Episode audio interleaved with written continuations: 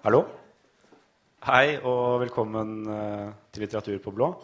Jeg heter Christian og er med i redaksjonen her. Og kveldens arrangement har fått navnet Ordenes onde sirkel. Og det er et samarbeid mellom Litteratur på blå og Goethe-instituttet. Og det sammenfaller med en utstilling som går på Goethe-instituttet fram til 30.9. Eh, Kveldens tema er Herta Müller, tysk forfatter.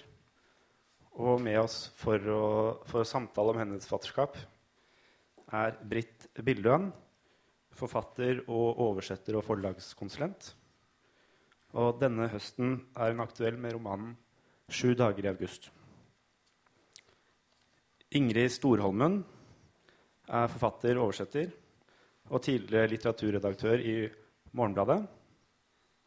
I oktober kom hun med sin andre roman, 'Her lå Tirpetz'. Og kveldens ordstyrer er Katrine Strøm, som til daglig jobber på Deichmans bibliotek på Grünerløkka. Hun er redaktør og forlegger i eh, Transfer forlag og frilanser som skribent, kritiker og oversetter. Og da er ordet til Katrine. Tusen takk. Ehm, ja, vi skal altså snakke om eh, Herta Müller.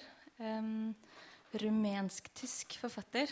Um, og det er en forfatter som har ehm, inspirert og påvirket eh, mange norske forfattere også. Hennes første bok på norsk var 'Mennesket er en stor fasan i verden', som uh, skapte eh, store eh, bølger i også det norske litterære landskapet. Um, og to av de som har eh, lest uh, Herta Müller og, og uh, Det skal vi også finne ut av, på hvilken måte de har blitt påvirket av henne, er altså Ingrid Storholmen og Britt Bildøen. Um, eh, en annen velkjent eh, Herta Müller-fan, eh, som også har skrevet et veldig flott essay om henne, det var Stig Setebakken, som inviterte henne til eh, litteraturfestivalen på Lillehammer i 2007. Eh, og der holdt hun bl.a. Eh, hovedforedraget, som het 'Alltid den samme snøen og alltid den samme onkelen'. Og det var altså to år før hun fikk nobelprisen, eh, som hun fikk i 2009. Men faktisk enda litt tidligere ute enn Setebakken og Lillehammer var eh, arrangørtrioen bak eh, Æ Å, Trondheim litteraturfestival, eh, som fikk Herta Müller til å komme til eh, Trondheim eh, litt tidligere samme år, i 2007. Og arrangørene det var eh, da, foruten poetene Arild Wange og Marte, Marte Huke, så var det Ingrid Storholmen. Um, og det var åpenbart at uh, du hadde et nært forhold til Herta Müllers tekster allerede den gang. Um, og vi fikk i hvert fall vite at eh, du hadde kalt opp katta di etter Herta Müller. Og du fortalte det til henne der den gangen. Hvordan reagerte hun egentlig på det? Ja, eh, det tok, jeg, tok en tid før jeg visste om jeg skulle tørre å helt tatt nevne det da, til Herta Müller. Men etter noen glass vin så blir man jo gjerne litt mer frittalende. Um, så da så sa jeg det da, at katta mi heter Herta Müller. Og da ble hun helt rystet og sa å nei, stakkars katt, det er jo så stygt et navn. Og det, liksom, det var ganske oppsummerende for hvordan eh, kanskje Herta Mille framsto for oss som trodde vi skulle ta imot en litterær verdensstjerne, og som hele tida bare snakka ned seg sjøl. Det var ganske påfallende. Nå vil jeg bare nevne at det der katta hun fikk også en, en kattunge som ble hettende Elfride Jelinek. Og Elfride Jelinek hadde i hvert fall åpenbart sosial angst. Det var veldig redd fremmede. Men eh, nei da. Eh, Hvordan var eh, Herta Müller eh, den gangen i Trondheim? nei, jeg husker når jeg skulle ta imot henne når hun kom. Og det var, for meg var det jo liksom den største litterære stjerna. Det er liksom sånn hvis Tarja Vesaas som kommet opp fra grava. liksom var den eneste som kanskje kunne matcha det. Så jeg var liksom veldig entusiastisk da, og sa eh, liksom Velkommen, du er virkelig festivalens store stjerne. Nei, sa hun. Jeg er festivalens frosk. Og det, hva skal man liksom, det, det var, Men det var akkurat sånn det var hele tida. Altså, uansett hva man prøvde å si av bra ting, så var det liksom bare underminert med en gang. da. Eh, så, men jeg hadde også et annet stort øyeblikk da vi hadde spist middag eh, på en restaurant etterpå. Så sto vi utafor, så spør Herta Müller om hun kan få ta et par trekk av sigaretten min. Det var også ganske ja. ja. Eh, men det, det, jeg syns kanskje at hun bar veldig sånn preg av å være, litt, være traumatisert også på mange måter. Um, og hun hadde også med seg mannen sin, Harry. Og han ble nesten en sånn vits da, under, under, festivalen. for vi lurer så veldig på hva som var Harrys rolle liksom, i det her. Han var veldig mildt sagt en, sånn, en grå dress, kan man si. Og vi skjønte liksom ikke helt hva det er med, med Harry. Men eh, for jeg spurte også ja, men hva gjør du for noe. Nei, han har slutta jobben sin for å spend some time with Herta, som han sa. Så han reiste rundt sammen med henne.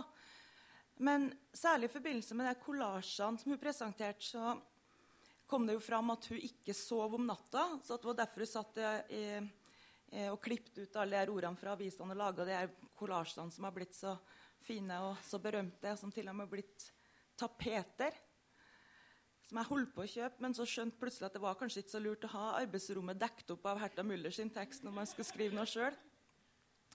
Men eh, jeg tror kanskje at altså, det var en sånn følelse av at jeg kanskje var, var ganske traumatisert. Eh, og også en annen ting som var veldig påfallende, var jo at eh, da vi i, liksom i, Norge eller Vesten var veldig sånn da, til USAs invasjon av Irak, så var hun helt sånn Ingen her forstår hva dere snakker om. Det er, en diktator må tas ut. Det, var ingen snakk om noe annet. Så hun var helt med på at, at USA hadde gått inn for å ta ut en diktator. da. Mm. Men hun var jo ganske sånn humoristisk. og Jeg har jo sånn bilde av eh, med Hertha her da, sammen med Rata Tosk. Eh, som var en, da, en ja, et ekorn. Som, eh, og ekornet her er veldig glad for at Herta Müller har gitt, gitt den vin. da. Så hun var, var, hun var, med på litt sånne ting. Også. Det finnes da noen, uh, en tekst om Hertha Herta Müllers språkkollasjer i Rettetosk eh, som kom det samme året, som dokumenterer AO-festivalen, og, og, en tekst om, om språkkollasjene. Men du oversatte også en, en av de, et av de diktene ja, Det er ikke fra noe kollasj, det er fra den diktsamlinga som heter 'I hårknoten bor det en, en, en dame'. Ja. ja. Sammen med Ja, jeg har ikke gjort det helt alene, så jeg tror jeg må ha litt hjelp fra salen hvis jeg skal lese det her.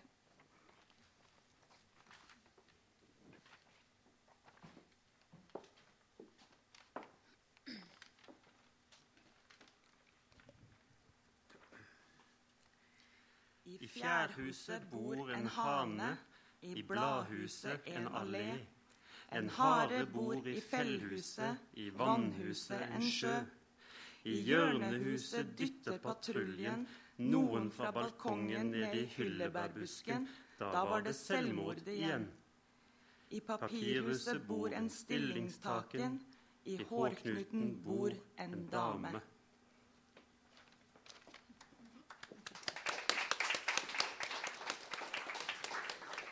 Det var da Gunsten Bakke som hjalp til både når diktet skulle oversettes, og når det skulle leses her. Mm. Men var, var, dette, var, det diktene du kom borti først av uh, Herta Millers tekster? Eller når uh, traff du på hennes tekster først? Nei, Det var jo den tida på 90-tallet når alle uh, man kjente, snakka om Herta Müller, og at det var romanene som liksom der Reven var alt den gang en jeger og hjertedyr, og mennesket er en stor fasan i verden. Når det var alle man kjente, snakka om det.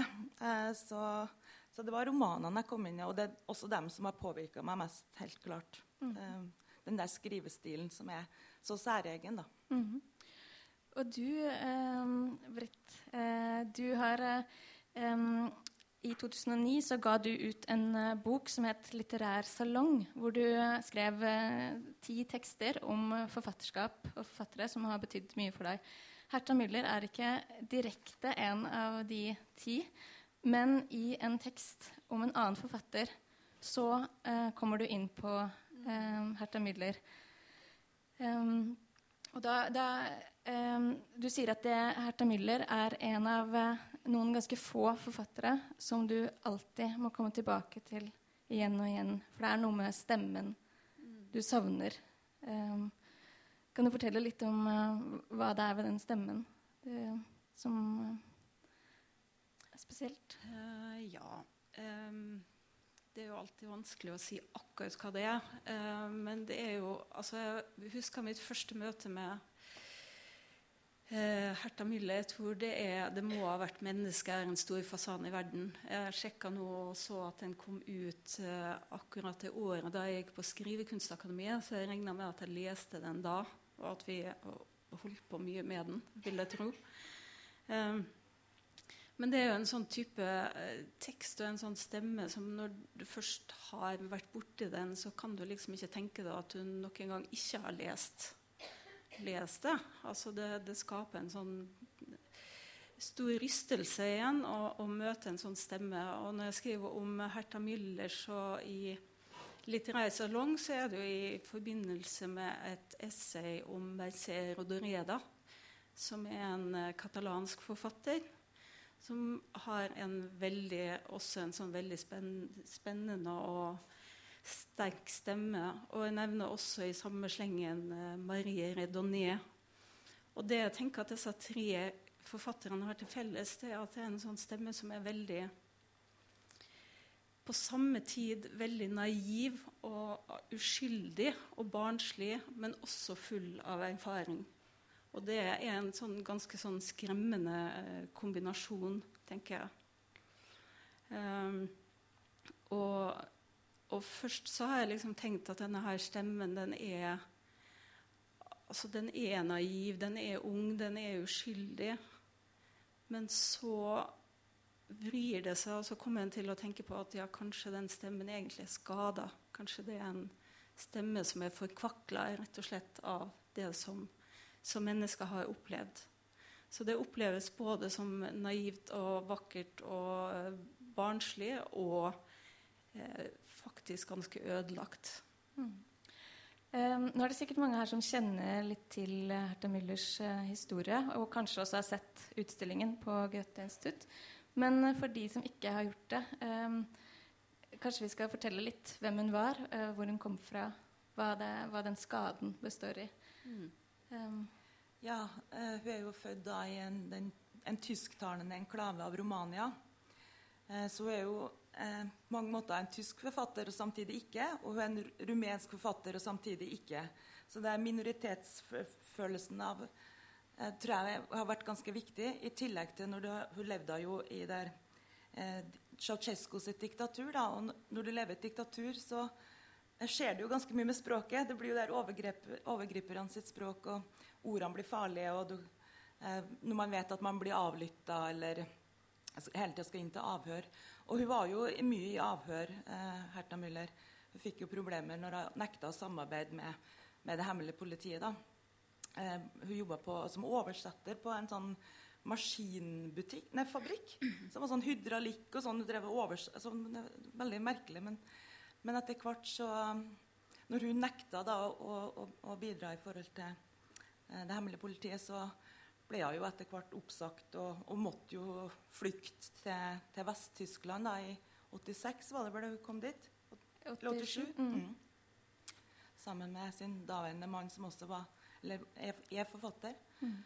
hun, fikk vel, hun fikk vel gitt ut den første boka si i Romania, men den andre ble stoppa. da. Så det var vel også det som førte til at hun flykta. at hun at den første boka hennes, eller den andre i hvert fall, skapte mye trøbbel for henne. Mm. Ja, hun debuterte i altså Det var med 'Niderungen', mm. um, som kom i 82 i Romania og et par år senere i, i Tyskland. Uh, men hun hadde allerede begynt å skrive litt før det og var med i en, noe som het aksjonsgruppe Banat. Um, så hun hadde allerede kommet inn i en, en gruppe med med intellektuelle og, og skrivende.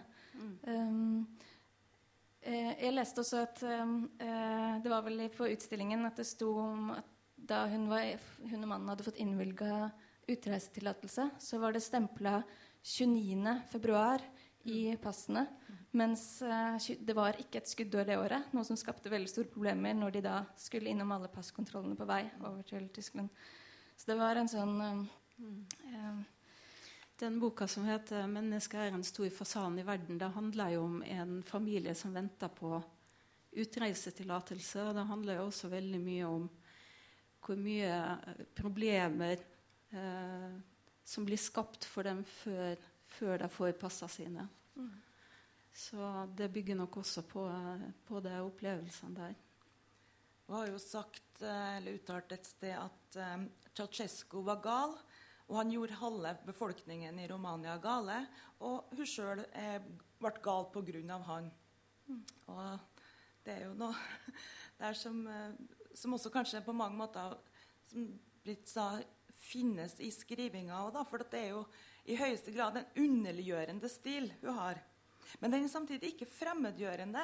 Eh, heller kanskje mer at det, For det er ganske mye fysisk realisme i den òg. Eh, men, men de, det skildrer i veldig stor grad der erfaringene av å leve i et totalitært samfunn. Da. Eller en totalitær stat. Og det er jo på setningsnivået hun liksom kanskje får til det der for, for, forskyvningene. Eh, jeg tenker at hun er jo faktisk altså, Pål Sæland var jo også en tysktalende, riktignok jøde, da, fra, fra Romania. Men han ser liksom der, det er noen ting der som man nesten kan se på som språklige mutasjoner. Altså Det skjer et eller annet som du nesten ikke kan forvente, men så, altså som, nesten som språket på en måte muterer og blir, blir litt annerledes. da. Mm. Og det, det, er jo veldig Når jeg leste det på nytt igjen nå, så uh, syns jeg jo virkelig at hun går langt i Det er ganske ekstremt. Uh, for det mangel på f.eks. plott eller uh, eller liksom prosakjennetegn. Det er veldig i stor grad en poetisk realisme. Litt sånn Chagall-aktig på en måte. Men uh, Det er nærmest sånn tablåer. ikke sant? Mm. Det, liksom, det, handler om kanskje folk i en landsby, eller har en, en, hovedperson, men det handler også om andre personer som lever rundt, eller som hun jobber med. Eller, og det er egentlig ganske korte kapitteltekster som skifter mellom disse forskjellige personene og forskjellige tablåer. Kanskje vi kan høre noen eksempler? Har dere valgt ut noen, noen uh, passasjer fra bøkene som dere kan lese opp? Ja, jeg kan starte. Jeg tar en veldig kort en først, som uh, er fra 'Reven og alt en gang jeger'. Um, jeg syns den er så veldig betegnende for det som hun virkelig klarer å gjøre levende for oss som ikke har opplevd eh, diktatur, som ikke har opplevd sult, som ikke har opplevd denne mistenkeliggjøringa og alt dette som hun eh, skriver om. Eh, hun gjør det på en måte så ting manifesterer seg på en veldig spesiell måte. Det, det, blir materialisert. Så jeg skal lese en liten, bitte liten tekst som heter 'Panneluggen'. Avisen er av dårlig kvalitet, men diktatorens pannelugg har en lys glans på papiret. Den er oljet og glinser. Den er av sammenklemt hår. Panneluggen er stor. Den presser mindre lokker bakover til diktatorens bakhode. De blir, De blir oppslukt av papiret. På det grove papiret står det 'Folkets høyst elskede sønn'. Det som glinser, ser. Panneluggen glinser. Den ser ut i landet hver dag. Diktatorens bilderamme i avisen er hver dag like stor som halve bordet. Under panneluggen er ansiktet stort som begge hendene når Adina legger dem ved siden av hverandre med håndbaken ned, ser ut i tomheten og svelger sin egen pust igjen. Det svarte i diktatorens øyne er som Adinas tommelfingernegl når tommelen krummer seg uten å gripe etter noe. Det sorte i øyet ser hver dag ut fra avisen, ut i landet. Og så er neste setning i neste avsnitt I landet går synsnerven. Og så følger vi på en måte diktatorens blikk ut i landet og inn i hver minste krik og krok. Han ser absolutt alt. Jeg har også valgt ut fra 'Reven var alt den gang en jeger' helt fra starten. Og da er det jo for at En av drivkraftene for Herta Müllers skriving er jo redselen, eller minnet om redselen. Og hun har en veldig sånn årvåkenhet i detaljene. Um, som kanskje dette avsnittet viser litt. da. Altså, og også at det billedspråket hennes ligger så tett innpå fabelen. Um, nålens mor er stedet som blør. Nålens mor er ver verdens eldste nål, som har født alle nåler. For alle sine nåler og på hver hånd som syr i verden, søker den en finger å stikke. I forbannelsen er verden liten. Over den henger en nåleklump og en blodklump.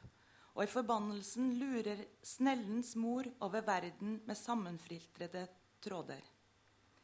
I denne heten banner du med is, sier Adina, og Klaras kinnben maler. Tungen hennes slår mot munnen. Når Klara banner, har hun alltid folder i ansiktet, for i forbannelsen er ethvert ord en kule og kan treffe tingene med ordene på leppene. Tingenes mor også.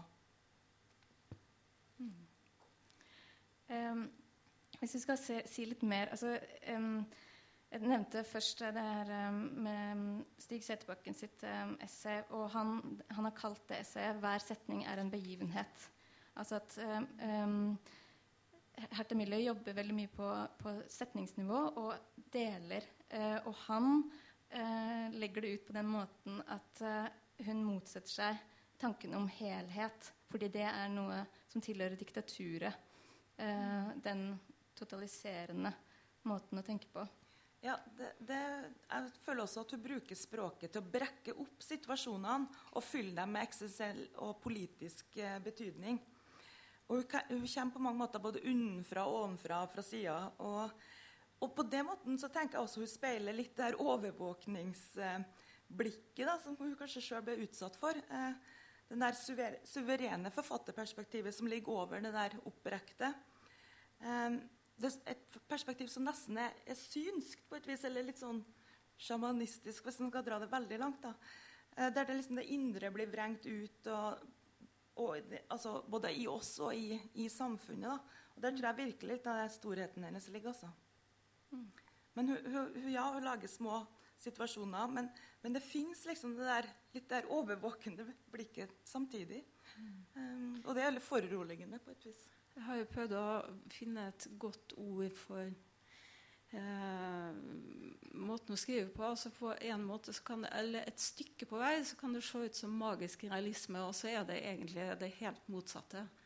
Eh, og Sjøl kaller jeg det dikte realisme, men jeg syns det er veldig svakt. Så jeg har jobba med begreper som røntgenrealisme og ultrarealisme og sånn, uten å liksom komme nok selv nærmere.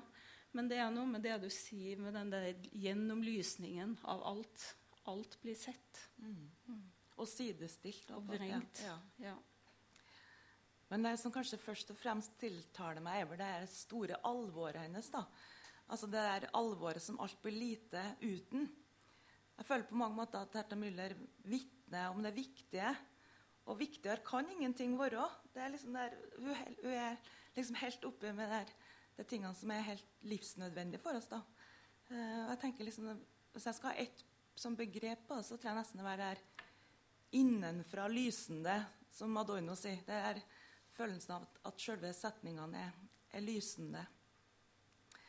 Og, jeg, man kan jo begynne å lure på om man skriver annerledes litteratur hvis man er i et diktatur. da. Og man kan jo virkelig begynne å tenke sånn har vi det for godt i Norge til at det kommer liksom sånn, så nødvendig litteratur? Det er vanskelige spørsmål, for selvsagt mye indre smerte kan jo være like sterk. som Men det er et eller annet med den mistenksomheten til språket som jeg tror kanskje diktaturer har vært med og planta i dem som lever der. Og, og den, mistenksomheten har gitt henne en enorm presiseringsevne. Altså det, det, det er hyggelig presist, det, det der utvalgene hennes, altså. Jeg tenker litt på eh, din bok eh, 'Tsjernobyl-fortellinger', som kom i 2009. Eh, der drar jo du og Eller du forsøker å fortelle historiene til traumatiserte mennesker. Er, er, det også en måte altså, du, Var du inspirert av Herta Millers måte å arbeide på det? Ja, i høyeste grad. Jeg syns nesten det var tjenesteforsømmelse av kritikerne at de ikke så hvor hvor, hvor tett opp jeg la meg på det ved enkelte plasser. Fortell litt om den boka. Uh, ja, nei, altså, den, det, Vi møter jo de menneskene som uh, overlevde Tsjernobyl-ulykka i Ukraina i 86. Um, og møtte dem i ganske sånne korte avsnitt. Så får bare et glimt inn i livet til noen, og så går man videre til neste karakter. liksom. Men, um, men jeg, jeg, tenkte også på det med forhold til sånn magisk realisme. Men, men i hvert fall en form for sånn østeuropeisk realisme. Eh, nest, altså, selv om det ikke er sånn som hos Gogol eller, eller Bulgakov, der det plutselig kan komme sånn, eh, snakkende dyr eller sånn. Men det, det er liksom der, sånn litt østeuropeisk snert over som jeg, jeg, prøvde å på en måte legge meg litt tett innpå når jeg skulle skrive fra Ukraina. da. Mm. Og det er også en annen form for galgenhumor som er fremmed for i hvert fall meg. Da eh, Så det, liksom, da, da, hadde jeg veldig hjelp av, av Hertha Müller, det vil jeg si. Mm. Hun har jo også sagt det selv at eh, hun eh, Det er noe med det rumenske språket også som, har, som, i seg selv har noen andre kvaliteter enn det tyske. Mm. En, en, større um, et større spekter, på en måte, og eh, kanskje mer av det galgen ja, Hun kaller det rumensk sensuelt. Jeg leste et sted, og hun lærte vel det som 15-åring. Men eh, jeg tror at hun har veldig, at det tospråkligheten der har vært veldig fruktbart. Um, og Det er jo noen forfattere som man må passe seg for å lese i perioder. Og Herta Müller har jeg måttet virkelig lagt langt unna nattbordet i, i, noen, i noen, år. På samme måte som Tarjei Vesaas. Det er de to forfatterne som er mest tydelige, eller sånn direkte, både bevisst og ubevisst har latt meg påvirke av, og så kanskje måtte ha brutt med, for så å komme tilbake til hjem. Men, men den der skrivestilen og blikket og språket til, til Herta Müller det ligger veldig nært eh, når jeg sjøl prøver å få til det, eller ønsker å Og det merkelige er jo at det faktisk fins en del likheter mellom f.eks. den boka 'Brannen' av eh, Vesaas og, og, og Herta Müller sine bøker. Der, den fabelen, den forvrengte, farlige fabelen plutselig blir eh, Og den var jo også skrevet i en tid med, med kald krig og fare for atom... Eh, altså, så det, det er redselen som kanskje gjennomsyrer eh, den utsattheten. Og det kjærlige blikket på menneskene også. Selv om det er et veldig sårt blikk, så er det et kjærlig blikk og en ganske djup sånn humanisme som ligger under både hos Tarjei Vesaas og hos Herta Müller. Og det er liksom så fint å, å være i nærheten av. da. Mm. Eh, en annen ting som, eh, eh som, er ganske karakteristisk for eh, Herta Müller, er jo eh, en del nye ord eh, og sammensatte ord som ellers ikke har eksistert. Sånn som f.eks. tittelen på den boka som kom før hun fikk nobelprisen, 'Pustegynge', som heter på norsk. Um, eller 'Hjertedyr'. Eller 'Hjertedyr'. Ja. Um, hva vil du si om den type nye, nye ord, og hva hun, uh, hva hun får til ved bruk av sånne ord? Nei, Det står jo en forfatter til ære, det å klare å lage masse nye ord som, som blir sittende, eller som er så slående. da. Altså Som pustegynge eller, eller hjertedyr, vil jeg virkelig si. da. Det, på, man kan jo håpe at man klarer det på en god dag og komme opp med et nyord, men det, det skjer ikke hver dag. Iallfall i mitt vedkommende. Det er en annen ting også som er veldig spesiell for hennes forfatterskap. og det er At hun skildrer så grusomme ting i et veldig vakkert språk. Det er jo så nydelig å lese. og Av og til så kan det også være, bli komisk, nesten absurd. En blir sittende, en kan, Midt i forferdelsen så kan en sittende og, bli sittende og le. Og selv om det er en liksom vond, kvekkende latter, så, så blir en liksom så forbausa. Man blir stadig overraska. Og det har jo med, med, med, sånne overraskende ord å gjøre, men det har jo også med det blikket at du kan gå inn i så grusomme ting. Og faktisk ikke bare bruke et veldig vakkert språk om det, men også se det vakre i det grusomme. da. Eh, og, og, hun er jo dels blitt kritisert for det akkurat i den pustegynge, fordi at den handler jo om en, en uh, arbeidsleir, nærmest en konsentrasjonsleir, uh, og en skjebne der. Og det er skrevet et veldig vakkert språk, og noe av kritikken etterpå gikk, gikk jo på at det ikke går an å skrive så vakkert om noe som er så fælt. Og da tenker jeg det fører meg til en annen norsk forfatter som døde nå nettopp, Jan Roar Leikvoll. eh, fred over hans minne. Han har jo gjort akkurat det. Han skriver noen helt fantastisk nydelige tekster om det mest grusomme. Og, og det syns jeg også kjenner en forfatter til ære, å, klare å gjøre det. Og også ja, holde oppe det, det, språklige nivået i noe som er så eh, ja, nokså reduserende menneskelige så sterkt, så, så, er hun med på å løfte det, løfte det opp. Mm.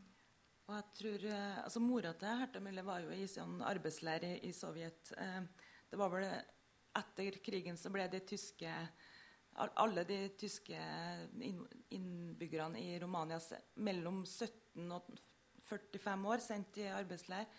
Og Mora hennes var der. Og når Herta Müller visste den puste gynge til mora si, så sa hun men det var jo akkurat sånn det var. Så jeg tenker at eh, med, å skrive eh, vakkert, eller om det, om det er vanskelig og grusomme, så er det jo virkelig en måte å nærme seg på som jeg kan ikke forstå at noen kan si at ikke er lov, i hvert fall, eller mm. bruke det som anklagende. Altså det, eh, det, er kanskje den beste måten å nærme seg det på, i stedet for liksom skal skrive stygt, da, eller om det er stygt eller brutalt. Eller, så jeg tenker det blir mer brutalt hvis man hvis det på mange måter blir innenfor en, en poetisk eh, setning. Altså. Mm. Det virker i hvert fall farligere på meg når det er sånn. Uh, hun brukte jo i veldig mange av bøkene eller bruker mange, i mange av bøkene egne historier uh, fra barndommen og sånne ting. Men 'Pustinge', der har hun eh, fortalt historien til noen andre. Altså hun, hun snakket mm. eh, selvfølgelig med, med moren men, men, og andre av de som ble deportert eh, til de arbeidsleirene. Men, men, det er særlig en annen hun har begynt å skrive boka sammen med. Mm. Eh, Oskar Pastior. Ja. Um, hun har jo sjøl sagt at hun snakka med mora om dette her, men mora var en enkel bondekone og reflekterte ikke så veldig mye over dette her. Og i landsbyen der hun vokste opp, så visste alle hvem som hadde vært internert. Men det var aldri noen som snakka om det. Så, så, dette var en sånn stor fortielse. Så hun fant jo denne Oscar Pastior da, som, som uh, fortalte hun historien sin. Eh, og det skulle egentlig bli en biografi men så døde han eh, midt under dette arbeidet, eller, eller, før boka kom ut. Så da begynte Herta Mulle helt på nytt. Hun fant ut at hun ville skrive en slags minnebok om han. Eh, hun skriver boka i jeg-form. Eh, og kaller den hovedpersonen for Leo Auberg, eller Aaberg.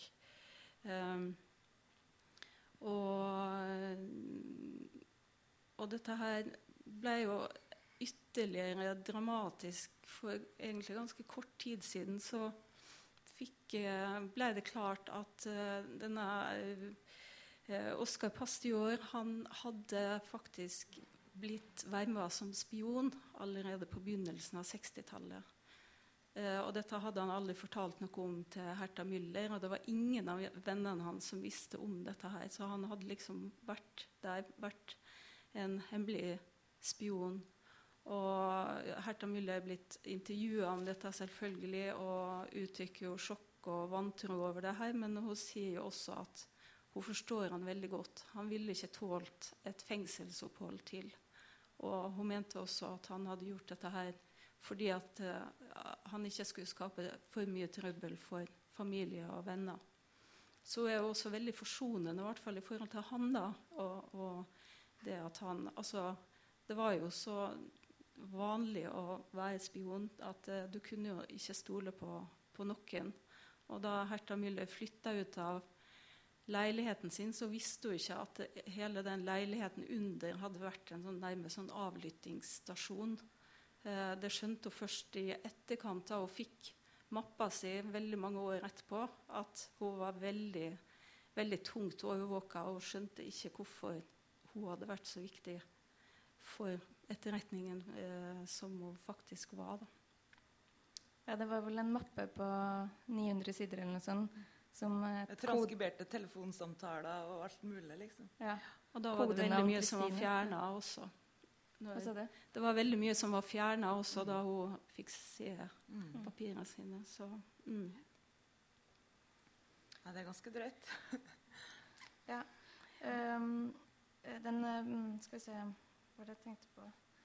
Um, jo, eh, at um, Oscar Pastor og Leo, da, som er Han er 17 år gammel da han først blir deportert i Pustinget, og forteller som gammel uh, Ser tilbake på historien. Men han hadde jo en sånn en dobbel minoritet Eller han tilhørte en dobbel minoritet ettersom han også var homofil. Um, og, og den kulturen, den, også den tyske Banat kulturen var jo også en ekstrem homofob kultur, og en, eh, en kultur som eh, tok eh, var, had, tok inn det nazistiske tankegodset eh, ganske raskt. så det var en uh, kultur hun vokste opp i. Faren hennes var jo i SS. Ja. Det var jo også en av tingene du fant ut. Så mm. det var jo en del som heller ikke var så veldig Som man ikke snakket om. Mm. Så det er jo fortielse. Eh, en kultur av fortielse. Hun sier jo sjøl at hun kunne forstått det hvis det var faren som var blitt internert, men at det var mora, altså at det var de uskyldige ungdommene og kvinnene som satt igjen, liksom, det kunne hun aldri tilgi. Mm. Hvilken av bøkene til Herta Müller er det som har betydd mest for dere?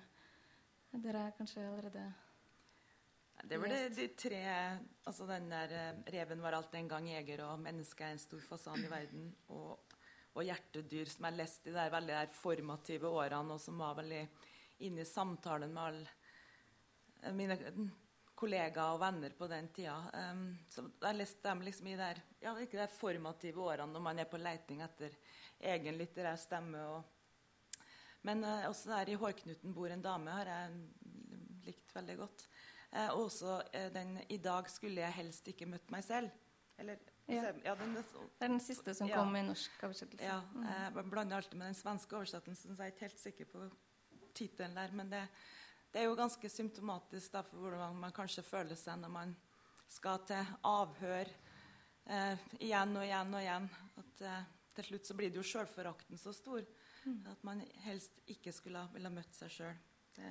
For den handler vel nettopp om et avhør Eller hun skal et avhør, men eh, hun når vel aldri til det avhøret i den eh, Nei, men samtidig så er jeg jo allerede i den avhørssituasjonen hele tida. For jeg sover ikke om natta eller tenker på det bare hele tida. Så det, det, viser jo hvor, at avhøret varer så mye lenger enn bare det der eh, timen du er på kontoret der. Liksom. Det, det, hvordan det virkelig ødelegger en person. Mm. Ja, men den er jo litt mer, Det er også jeg-fortelling. Eh, og er jo, den er jo litt, litt, mer narrativ og litt, litt, mer vanlig, kan man kanskje si. mm. Mm. Det, du kjenner det forfatterskapet først og fremst via de norske oversettelsene? Ja. ja. For det, det er, gjenstår jo veldig mange bøker av Herta Müller som ennå ikke er oversett til norsk. Ja. Det finnes en god del flere på svensk. Men uh, men ellers kan vi jo etterlyse flere eh, av hennes bøker. Ja, det håper jeg virkelig at det kommer. Og det er jo noen bøker med veldig sånn forlokkende navn, da, som 'Der Teufel sitz im Spiegel'. Og, eh, og så er det en som er oversatt til dansk, som heter 'Reisende på ett ben'. Eh, så det er veldig mange, mange, titler som virker veldig forlokkende. Jeg håper virkelig at det kommer mer på mm. norsk etter hvert. Det er kommet noen uh, essays også altså for en stund siden i, i, Vagant. Og så kom det tidligere i år i den utgaven av Grante på norsk. Um, oversatt fra 'Sult og silke', en uh, essaysamling som jeg personlig håper det kommer veldig mye mer fra.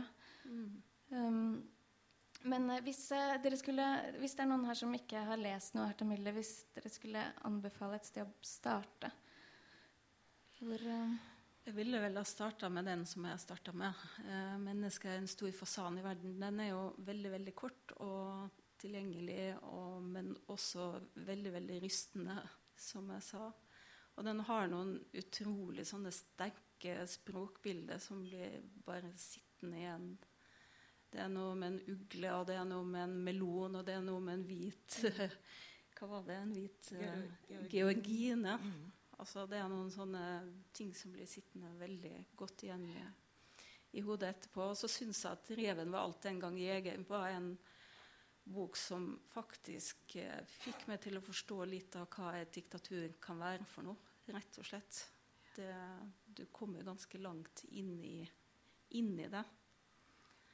Men kanskje også hjertedyr, der, de, der det liksom følger en, en, gjeng unge mennesker som har kommet seg ut, og at eh, man ser hvor det fortsetter å virke i dem. da, Og at de til slutt begynner å vende seg mot hverandre. og at det er liksom der, altså, det, det, det har forpesta hele liksom ja, livsgleden eller livsevnen i så stor grad. Mm. Det er det som er så tragisk å se. da. Mm. Så, ja. ja for det, det, er det hun også skriver om i den, eh, det essayet eh, som står i Grønte, eh, om hvordan eh, akkurat som ordet krig fortsatt fins og må finnes i ordet etter krig. Når krigen er over, vil navnet Ceaucescu måtte finnes lenge, lenge etter at Ceaucescus tid er over. Døden har ikke fått han til å forsvinne. Altså det er noe med den, den lange eh, armen til diktaturet og diktatoren.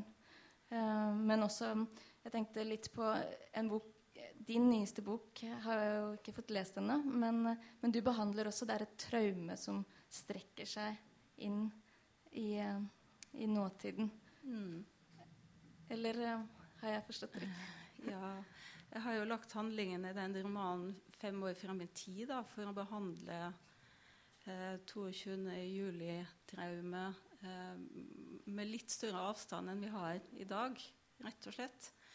Um, og det handler jo om et par som mister et barn, og, og, og, hvordan sorgen på en måte strekkes og utvikles og går sine egne veier og blir ganske irrasjonell også etter hvert. Um, jeg vil ikke akkurat si at jeg inspirerer altså, Du vet jo aldri hva som inspirerer det. Jeg tenkte ikke egentlig mye på Herta Müller når jeg satt og jobbet med den romanen. Men det som jeg tenker også Det er litt av det som jeg var inne på i sted, at uh, faktisk an å skrive om vanskelige ting på en vakker måte. En skal ikke være så veldig, veldig redd for det. Uh, så det er vel kanskje det som sitter mest igjen for min del da, etter å ha lest Herta Müller. At en skal ikke liksom eh, være redd for å prøve å se det vakre i det tunge og vanskelige, og heller ikke være redd for et vakkert språk. Eh, jeg syns ikke det nødvendigvis trenger å være altså eh, eh, svakt eller skjemmende, eller heller tvert imot av og til i noen sammenhenger. Mm. Det er ikke noe ufarliggjørende? heller tvert Nei, det var det ja. ufarlige egentlig var på jakt etter. Mm. Mm. mm. Jeg har også jeg skriver en bok eh, om um, tyske soldater både før, under og etter krigen. Jeg følger dem vel helt fram til 1990. Og Da får man jo også hvordan krigen fortsetter å virke i ettertid. da, Og klarer du å ta av deg en uniform og så bare finne tilbake til deg sjøl, eller uh, Ja, det er problematikken er veldig sterkt med. da. Og Da er det vært veldig greit å lese litt Herta Müller. Men samtidig så må jeg passe meg for å lese i den aktive skriveperioden. Altså. Mm. Men det klinger med.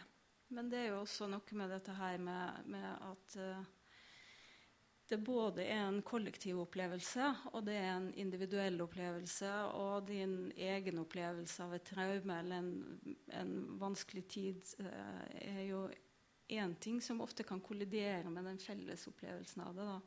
Og det er vel noe av det som jeg tenker også preger oss etter 22.07. At det er så veldig mange opplevelser av det som skjedde. Og noen er veldig privat berørt, mens, an, mens det også jo er en kollektiv sorg. da. Mm. Eh, og, og, det er vel kanskje noe av det som eh, på en måte blir eh, Noe av kritikken som er kommet mot Herta Mylle etter pustegynget, særlig, da, det er jo at ingen som eh, ikke har opplevd disse leirene sjøl, skulle få lov til å skrive om det som skjedde der, er det noen kritikere som har sagt. Og det er jo hun eh, selvfølgelig veldig imot. Og hun sier at eh, når det gjelder litteratur, så er alt alt annenhånds. Ja. Alt er second, second hand. hand ja. det, det, eh, det, vil alt, det, vil alltid være snakk om en eller annen form for bearbeidelse der. Og det, det syns jeg er veldig, veldig, flott. Eh, det var veldig godt å lese eh, etter at jeg hadde liksom grubla veldig over om jeg sjøl skulle våge å skrive om den tematikken som jeg har gjort. da. Mm. Men det er jo veldig reduserende hvis man sier at ingen kan skrive om noe man ikke sjøl har opplevd. Da er det ikke mye tiltro til Nei, forestillingsevne eller innlev... Altså, det som man på mange måter som forfatter lever av. da. Mm. Eh, hvis man bare skulle ha skrevet om seg sjøl, så hadde jo ja, det hadde jo vært knausgård ad absurdum. skal jeg si. Det, liksom, det, det, må, det, må, få finnes en forestillingsevne. Og det er jo kunstnerens privilegium å kunne føle seg inn i ting man ikke sjøl har opplevd. Men hun kjenner veldig godt til det hun gjør, eh, Herta Müller. Det er liksom hun tar det jo innafor noe som er kjent, og som hun har levd i og virka i seg. Men, men, så gjør hun på, på helt mm. sin egen måte. Hun sier jo det i den forbindelse da, at eh, også andre generasjon vil bli involvert gjennom skadene som er gjort på deres foreldre. Så, så, det er jo noe som virker uansett om en står veldig nært eller litt lenger fra. Hmm. Jeg ser at uh, faktisk uh, tiden uh, begynner å, å, løpe ut. Men hvis det er noen som har noen spørsmål um, Hvis vi klarer å se hendene bak der, var det et spørsmål?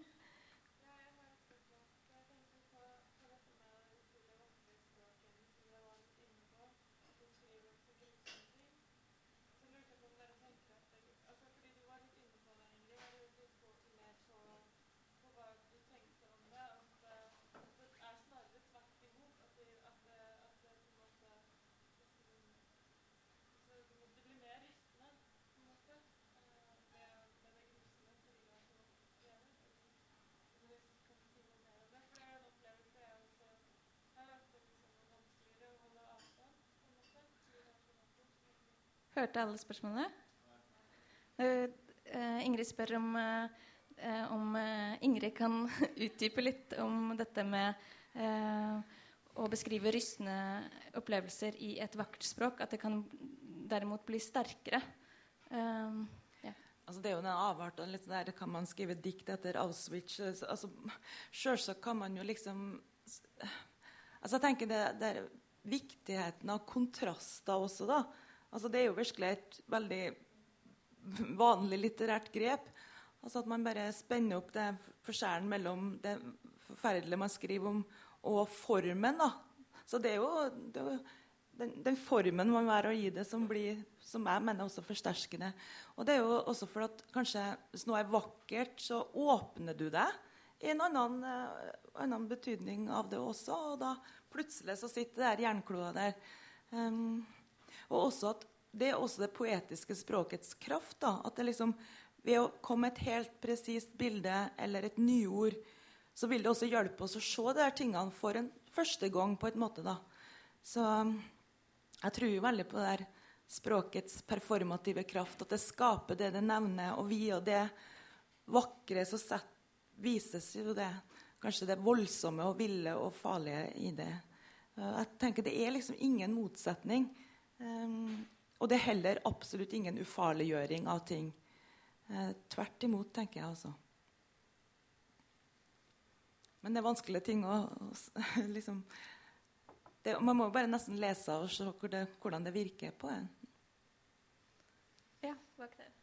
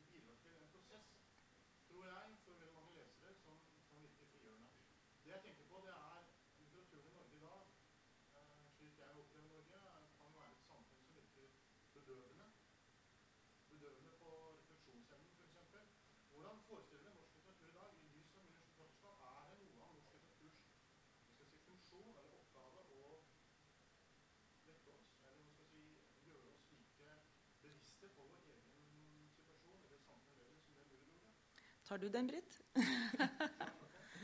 ja, var vi der, skulle jeg si. Ja. Jeg skulle jo virkelig ønske at det var sånn, og, og det burde være sånn. Eh, jeg tenker jo sjøl med min siste roman at jeg har prøvd å skildre den der litt sånn lammelsen. Den der eh, at vi på en måte ikke, ikke kommer videre og ikke klarer å bearbeide ting og sånn. Men, men jeg føler jo Altså, hva skal vi si? Jeg syns jo kanskje mye av mye av uh, samtidas litteratur egentlig gjenspeiler ganske mye den situasjonen vi er i i Norge i dag. Eh, om ikke det problematiserer det, så kommer det i hvert fall frem. Altså, jeg bare tenker på Det handler jo veldig mye om, eh, om sjølframstilling. Altså, det handler om sånne ting som man kan holde på med når man ikke har så veldig mye annet å bekymre seg for. for å si det sånn. Så på sett og vis så syns jeg jo at, eh, at eh, dagens situasjon blir gjenspeila i norsk litteratur. Men jeg skulle jo ønske at en kunne ta det innover seg på en mye mer konkret og, og spennende måte, kanskje. Og, og, og også se oss sjøl som en del av en større helhet.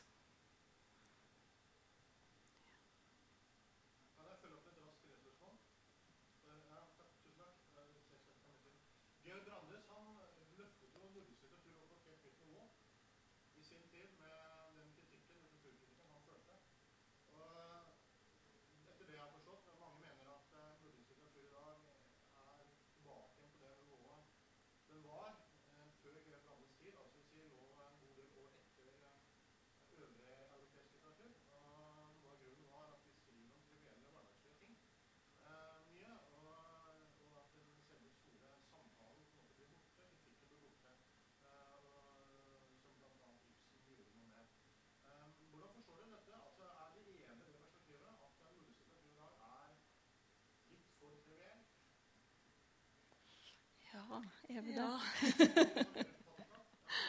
ja nei, nei, jeg er, enig for så vidt i det. Um, og jeg kjenner i hvert fall personlig at det har vært viktig for meg å begynne å skrive bøker som handler om noen ting. for å si sånn. Altså At jeg har tatt for meg den Tsjernobyl-katastrofen eller eh, nå da andre verdenskrig sett fra tyske soldater sitt eh, synsvinkel. Og at at det, det, føles mer tilfredsstillende enn kanskje bare liksom holde på å, å rote i ens egen barndom, eller hva man nå gjør med, i starten av et forfatterskap, gjerne. Um, men um, jeg var liksom litt inne på her uh, altså, Har vi det for godt i Norge til å skrive gode bøker? Det er faktisk et spørsmål som en nesten kan, kan stille seg. Da. Og at det i hvert fall kanskje også gir en viss makelighet da, i forhold til det liksom å, å gå inn i noe som kanskje er stort og, og farlig. Og, og også f.eks. bruke mye tid på research. eller sånt. Man, man holder seg i det lille, kjente. Og da skriver man om en 28 år gammel filmstudent som sitter og stirrer ut av vinduet. Det, når man hører noen, noen si at det, det fins en overvekt av sånne manus som kommer inn til, til forlagene. Men selv om kanskje hovedinntrykket er sånn, så tenker jeg at vi må ikke liksom unngår så at det faktisk kommer en del bøker som, som virkelig prøver, som virkelig tar opp interessante ting og på helt nye måter. Og det er ofte ikke de bøkene som skriker høyest, da. Eh, så en må leite litt. Men, men det fins der. Og jeg syns jeg har sett en, en veldig, uh, veldig, utvikling bare i løpet av de siste to-tre åra. Jeg tror det kommer til å skje veldig mye spennende i tida fremover.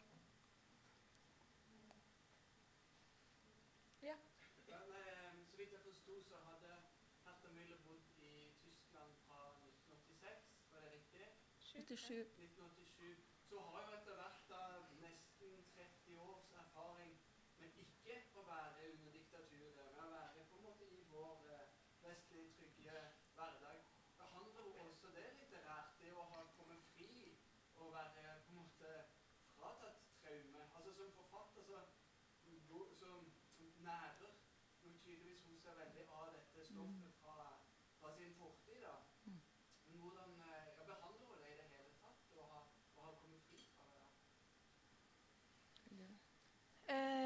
Hun er jo blitt kritisert for at hun liksom tværer på eh, diktaturet og, og barndomstrømmene og eh, Men hun har jo skrevet, eh, eh, så vidt jeg vet, eh, i hvert fall essays om tiden etter. Og om andre emner også. Men romaner Ikke noen av de som er på norsk. Jeg kjenner bare det som er på norsk. Jeg kjenner heller egentlig ikke til det. Jeg tenker at kanskje 'Pustegyng' er en sånn selv om det handler om, også om fortida hennes, så er det jo et forsøk på å skrive en annens opplevelse av det som har skjedd, og skulle skrive en biografi. Så jeg tenker kanskje hun er på vei til å løfte seg litt ut av det. Men jeg er veldig spent på hva som kommer nå videre. altså. Jeg, jeg, tror, jeg kjenner ikke til noe, noen av hennes bøker som, som ikke på en eller annen måte behandla hennes, uh, hennes uh, fortid som uh, ja, fange i et diktatur. Men jeg vet ikke, det sitter jo folk fra Goethe-instituttet her som sikkert har lest mer, så det kan jo hende at det er noen som Men jeg, jeg syns jo at det kanskje er noe at store forfatterskap ofte har, har den ene tematikken sin òg. Og, mm. eh, og, det er jo så mye diktaturer i verden rundt oss at det er jo ikke akkurat noen problemstilling som er utdatert. da. Eh, så jeg tenker at, Og den grenseerfaringa som hun har opplevd, eh, det er jo det som er helt åpenbart motoren for hennes skriving. Og jeg tenker at, at kanskje er det altså Der er hennes styrke, og der må få være. Jeg tror hun har forsvart den posisjonen og det at hun vil, vil behandle disse emnene. og nettopp det at det er så mye som har vært for tida lenge, og ikke er blitt tatt opp. At f.eks. veldig mange fortsatte i samme, inn i det politiske systemet, inn i byråkratiet, etter at Ceaucescu hadde falt. At det er veldig mye som ennå ikke er diskutert og omtalt. Så, jeg tror det var 40% der, som jobba i Securitatet, som bare gikk over i, i, det vanlige politiet. da kan du si. Så det, det er klart at det bare Det fikk jo bare andre navn og andre uniformer. Men eh, effekten kanskje er der. Så jeg tror det kan være et, en grunn til at det har fortsatt. Men før dette arrangementet så fikk jeg et tips om at det kommer et stort intervju med henne i neste nummer av Paris Review. Kanskje hun da snakker om hvor hun er på vei videre, om hun er eh, ja, ferdig med disse emnene. Så det er kanskje noe å plukke opp. Det ble lagt ut faktisk eh, like før jeg sykla ned hit i dag, så ble det lagt ut på denne arrangementssida på Facebook. Så det er bare å gå inn der. det ligger på nett? Ja, det gjør det. Mm. Er det andre spørsmål? Eller så tror jeg kanskje at vi avrunder her. Og så kan vi oppfordre til å gå på se utstillingen som varer til 30.9. for de som er interessert. Eller uh, låne bøkene. Eller Tusen takk for at dere kom, alle sammen. Og tusen takk til dere to.